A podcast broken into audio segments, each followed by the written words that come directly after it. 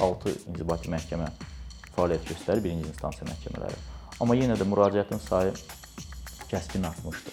Bu belə deyək də, hüquqların pozulması ilə irəli gələn məsələ deyil zənnimcə.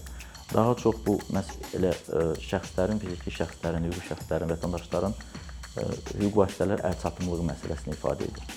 Çünki 2011-ci ildə statistikaya baxanda deyək ki, 4600 ardası müraciət olunmuşdusa, hətta pandemiya cərəyan etdiyi dövrdə 16 mindən çox müraciət olmuşdu inzibati məhkəməyə.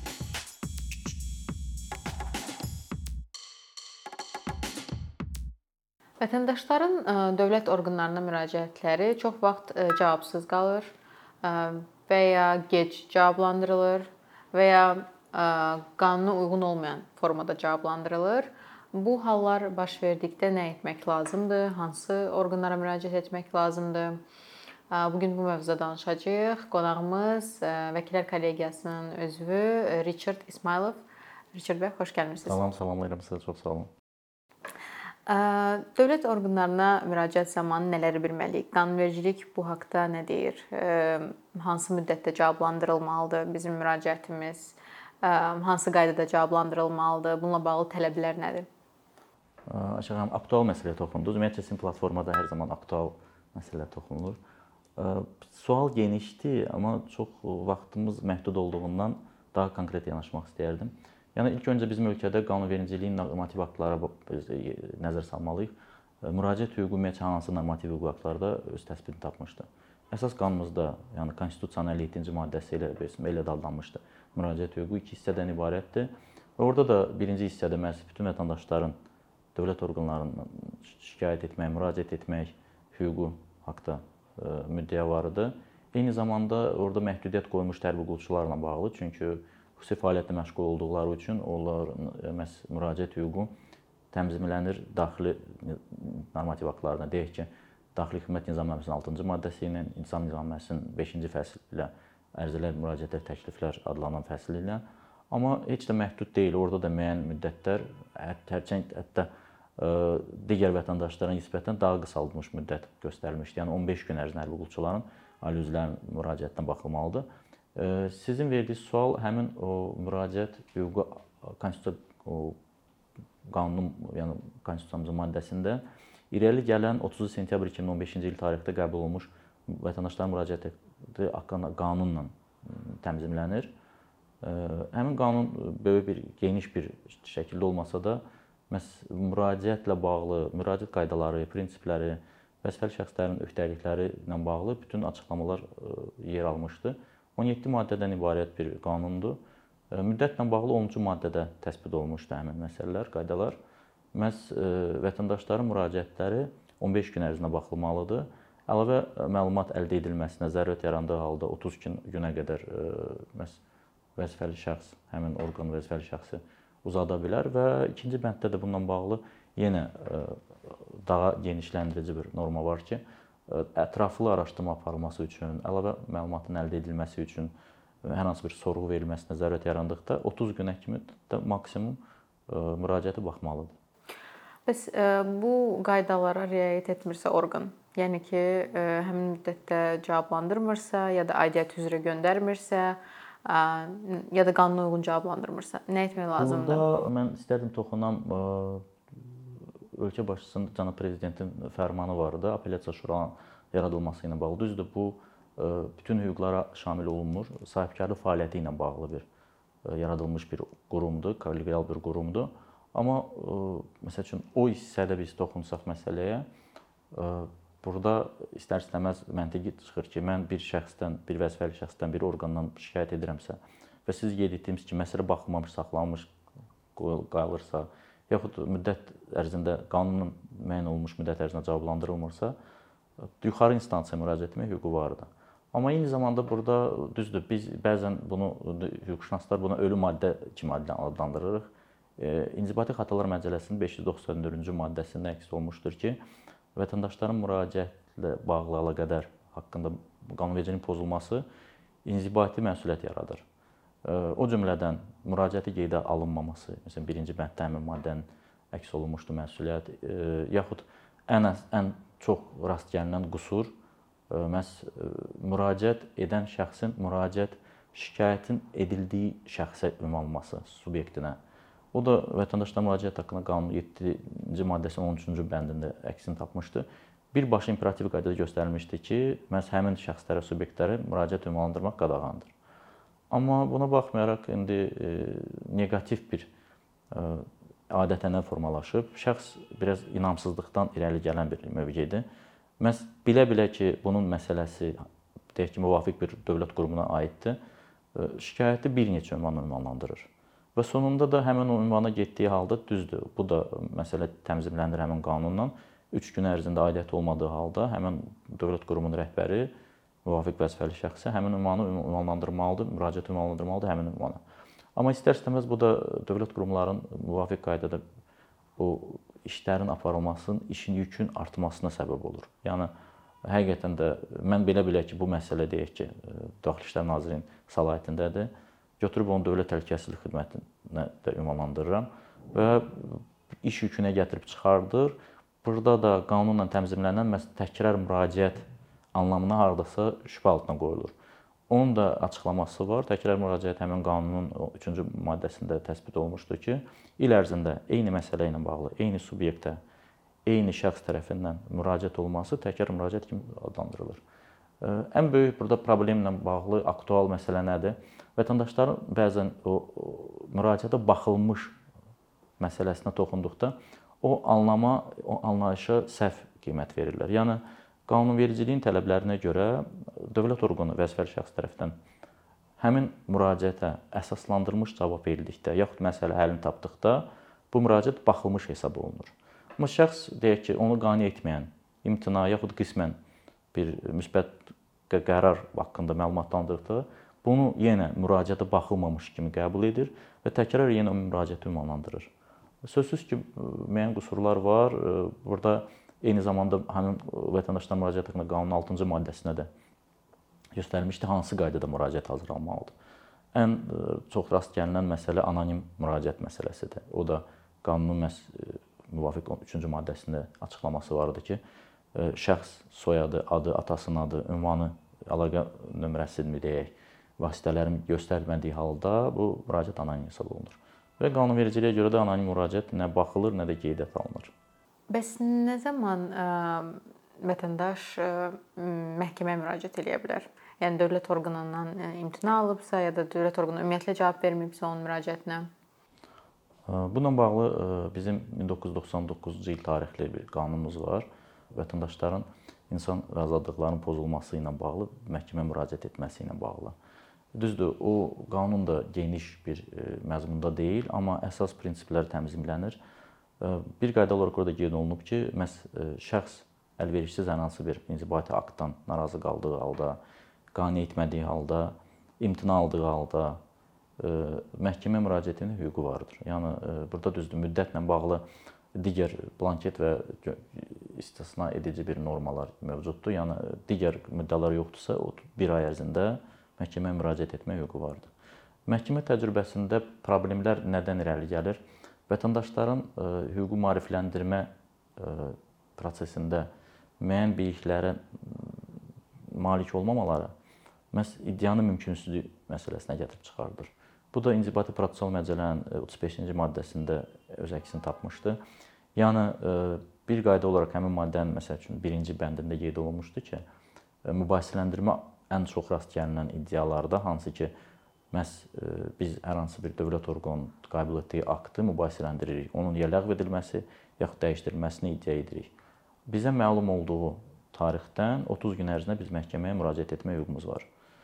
Bu müddəi bəzən e, əhali narazılıq edir ki, bu müddət azdır. Nəzərə salsaq ki, hələ e, Sovet İttifaqı vaxtı hətta bu müddət daha da az idi. 30 gündə məhz ona görə göstərilib ki, e, mən zənnimcə, subyektiv fikrimə görə o da bir vətəndaşları nizamlayır. Yəni şəxs e, ən azından düşünməlidir ki, onun hüquqları pozulubsa, uzun müddət sonra müraciət etdiyi halda birinci onun məhz iddiasının əsası, sübutu məhkəməyə təqdim etməsi çətinlik yaranır. Lüzumsuz vaxt itkisinə yol verilir. Müəyyən müddət ərzində deyək ki, konkret olaraq kargüzarlıq qaydalara görə, təlimatlara görə müəyyən sənədlərin saxlama müddətləri var məhv etmə müddətləri var. Uzun müddət keçdikdə vətəndaş müraciət edir və öz iddiasının hətta əsaslı və qanuni olmasına tam inansa da, bilsə də məhz həmin o hüquq edici müəyyən sənədlərlə təmin edə bilmir. Növbəti məsələ burada imtina ilə bağlıdır. Məhz iddianın mümkünlüyü ilə bağlı ümumiyyətcə Ali Məhkəmə Plenumunun qərarı var. 10 aprel 2015-ci il tarixli 5 nömrəli qərardır. Orada tam açıqlaması verilib. Yəni deyək ki, mübahisələndirmə, məcbur etmə ilə bağlı iddialarda imtina olunmalıdır. Yəni birinci ilk növbədə vətəndaş müraciət etməlidir orqana. Oradan imtina aldıqdan sonra məhkəməyə üst tutma hüququ yaranır. Çünki ilk növbədə elə məntiqi də sual yaranır. Məhkəmədə hakim haqlı olaraq soruşa bilər ki, məndən öncə bura müraciət etməmişdən öncə bəlkə dövlət orqanı sənin bu iddianı, istəyini belə deyək də realizə etməyə razıdır. Ona görə ən çox rast gəlinən məsələlər odur ki, deyək ki, bu gün aktual məsələ nədir? Məsələn, götürəndə veteranlıqla bağlı, sosial təminatlarla bağlı dövlət orqanı tərəfindən imtina alınmadığı halda, yəni ki, cavab gəlir ki, ali araşdırılır, müvafiq cavab veriləcək. Aralıq qərar verilib. Buna baxmayaraq vətəndaş məhkəməyə müraciət edir və istər-istəməz məhkəmədə də bu yenə də işin yükünün artırılmasına səbəb olur. Çünki e, hal-hazırda mövcud vəziyyətdə deyirəm, bir hakimin e, deyək ki, icraatında 300-400 iş var. İstər-istəməz e, iş yükü çox olduğu halda hərçənd ki, onun bir əksər hissəsi deyək ki, mümkünsüz hesab olunmalıdır. Lüzumsuz vaxt ikisinə aparır və hakim bir işin daha ətraflı araşdırmasına, əsaslı qanuni qərar qəbul olmasına suni maneçilik yaradılır. Bəs ümumiyyətlə məhkəmə praktikasında çətinliklər bu sahədə hansılardır? Yəni hakimlərin iş yükünü qoyuram bir kənara vətəndaş üçün həmin dövlət orqanına qarşı iddia ilə çıxış edəndə. Əslində inzibati icraat, yəni haqqında qanun, inzibati prosessual məcəllə mülki prosessual məcəllədən, mülki prosessual qanunvericilikdən fərqi var. Əhəmiyyətli fərqi nədədir? Bu qanunlar biraz şəxslərin xeyrinə doğru qəbul olunub, yəni belə mövqe ilə. Çünki burada dövlət orqanlarının mübahisə gedir və dövlət orqanlarının ən çox rast gəlinən problemlər nədədir? İnzibati proses ağlabata müddətə baxılır. Yəni məhdudiyyət qoyulmayıb. O da təbii ki, əsası var o müddianın o tələbin. Çünki bəzən məhkəmələr tərəfindən hər hansı bir faktı araşdırması üçün, halı araşdırması üçün sorğular gedir və sorğular çox gec bir şəkildə, bir gec müddətdə cavablandırılır. Və orta hesabla bugünkü gündə aktual bir mövzu odur ki, inzibati məhkəmələrdə icraatda olan işlərə ən qısa müddətdə 3 ay, 6 ay, 9 ay, il yarım, 2 il hətta işlərə baxılma müddətləri var və bir vəkil kimi məsəl üçün biz adətən inzibati işlə bağlı tanış olanda anlayırıq ki, bu proses baxılan məsələyə uyğun olaraq yarım il, 1 il çəkəcək. Hətta bəzən olur ki, şəxsi marağı itir o işə aid. Yəni artıq şəxs belə deyək də ümidsiz qalır, deyir ki, məhkəmə yəqin ki, ə, baxmayıb yaxud hələ məsələ həllini tapmayacaq. Amma biz də bir artıq belə deyək də hüquqi yardım haqqında müqavilə əsasında o yardım göstərməyə, kömək eləməyə çalışırıq. Və problemin ən böyük mən görürüm ondadır ki, yenə deyirəm, mümkünsüz məsələsində şəxslər, fiziki şəxslər, hüquqi şəxslər dövlət orqanlarına qarşı mübahisələndirmə aktları ilə bağlı müraciətləri gec olunur. Ona görə də yubanma gedir və bu istər-istəməz məhkəmədə bəzən elə olur ki, hətta 4-5 prosesdən sonra artıq müəyyən edir ki, bu iddia mümkünsüzdür. Çünki qanunvericiliyin tələblərinə əməl olunmamışdır. Ümumiyyətlə inzibati məhkəmələrin digər məhkəmələrdən fərqləri, əsas fərqləri müsbət də ola bilər. Müsbət, bəli, müsbət dediyim kimi, qeyd etdiyim kimi 12-ci maddədə e, yardım göstərilməsi öhdəliyi qoyulub məhkəmənin üzərində, üzərinə. Yəni e, iddia məsəl üçün dəqiq göstərilmədiyi halda, səhvən e, cavabdehlik qeyd olunduğu halda müəyyən istər qrammatik cəhətdən, istər məzmun cəhətdən iddia səhv tərtib olunduqda məhkəmələrin üzərinə, hakimlərin üzərinə öhdəlik qoyulub ki, şəxslərə yardım göstərsinlər və məhz iddianın mümkünlüyünə doğru aparan belə deyək də hüquqi yardım göstərilməsi birbaşa göstərilmişdir. Və son sualım, təklifləriniz inzibati icraatla bağlı həm qanunvericilik, həm onun tətbiqində nələr dəyişməlidir ki, daha effektiv, daha operativ bu sahədə iş keçsin? Yaxşı sualdır, geniş sualdır. Bu gün müraciətlərlə bağlı, məsəl üçün vətəndaşların müraciətlə bağlı qanuna uyğun olaraq elektron müraciət adlanan bir müraciət növü var. deyək ki, ən çox bu gün həqiqətən də vaxt itkisini nöqteyi nəzərdən götürəndə internet vasitəsilə, yəni həmin dövlət qurumlarının rəsmi portallarında, saytlarında müraciət etmək imkanları yaradılmışdı. Amma orada da müəyyən qüsurlar var. Məsəl üçün Daxili İşlər Nazirliyinin müraciət qrafasında 1500 simvoldan çox müraciətin məzmunu olmamalıdır. Onun da hardasa əsaslı olması şübhə altında deyil. İkili fikri var. Çünki 1500 simvol az deyil, amma bəzən olur mənim şəxsən praktikamda rastlaşmışam. Hadisə deyək ki, cinayət hadisəsi elə bir cərəyan eləyib ki, baş verib ki, onun məhz nədən ifadə olması, hüquq pozmanın, cinayətin təqsirkar şəxsin təqsir olması, şübhəli şəxsin deyək ki, hal-hazırda harda olması ilə bağlı məlumatları 1500 simvolun daxilində məzmuna daxil etmək olmur. Amma müsbət hallar da var. Deyək ki, Baş Prokurorluğun rəsmi portalında o məhdud qoyulmayıb. Eyni zamanda Baş Prokurorluğun deyək ki, müraciətin qrafasında, səhifəsində ilkin olaraq hətta müraciət 3 növə bölünməsi də fəsli yaradılıb. Yəni artıq müəyyən edici bir belə deyək də istiqamətlər verib. Ərizədir, təklifdir yoxsa müraciətdir. Müdafiə Nazirliyinin saytında hətta hansı idarəyə ünvanlandırmaq məsələsinə toxunulur.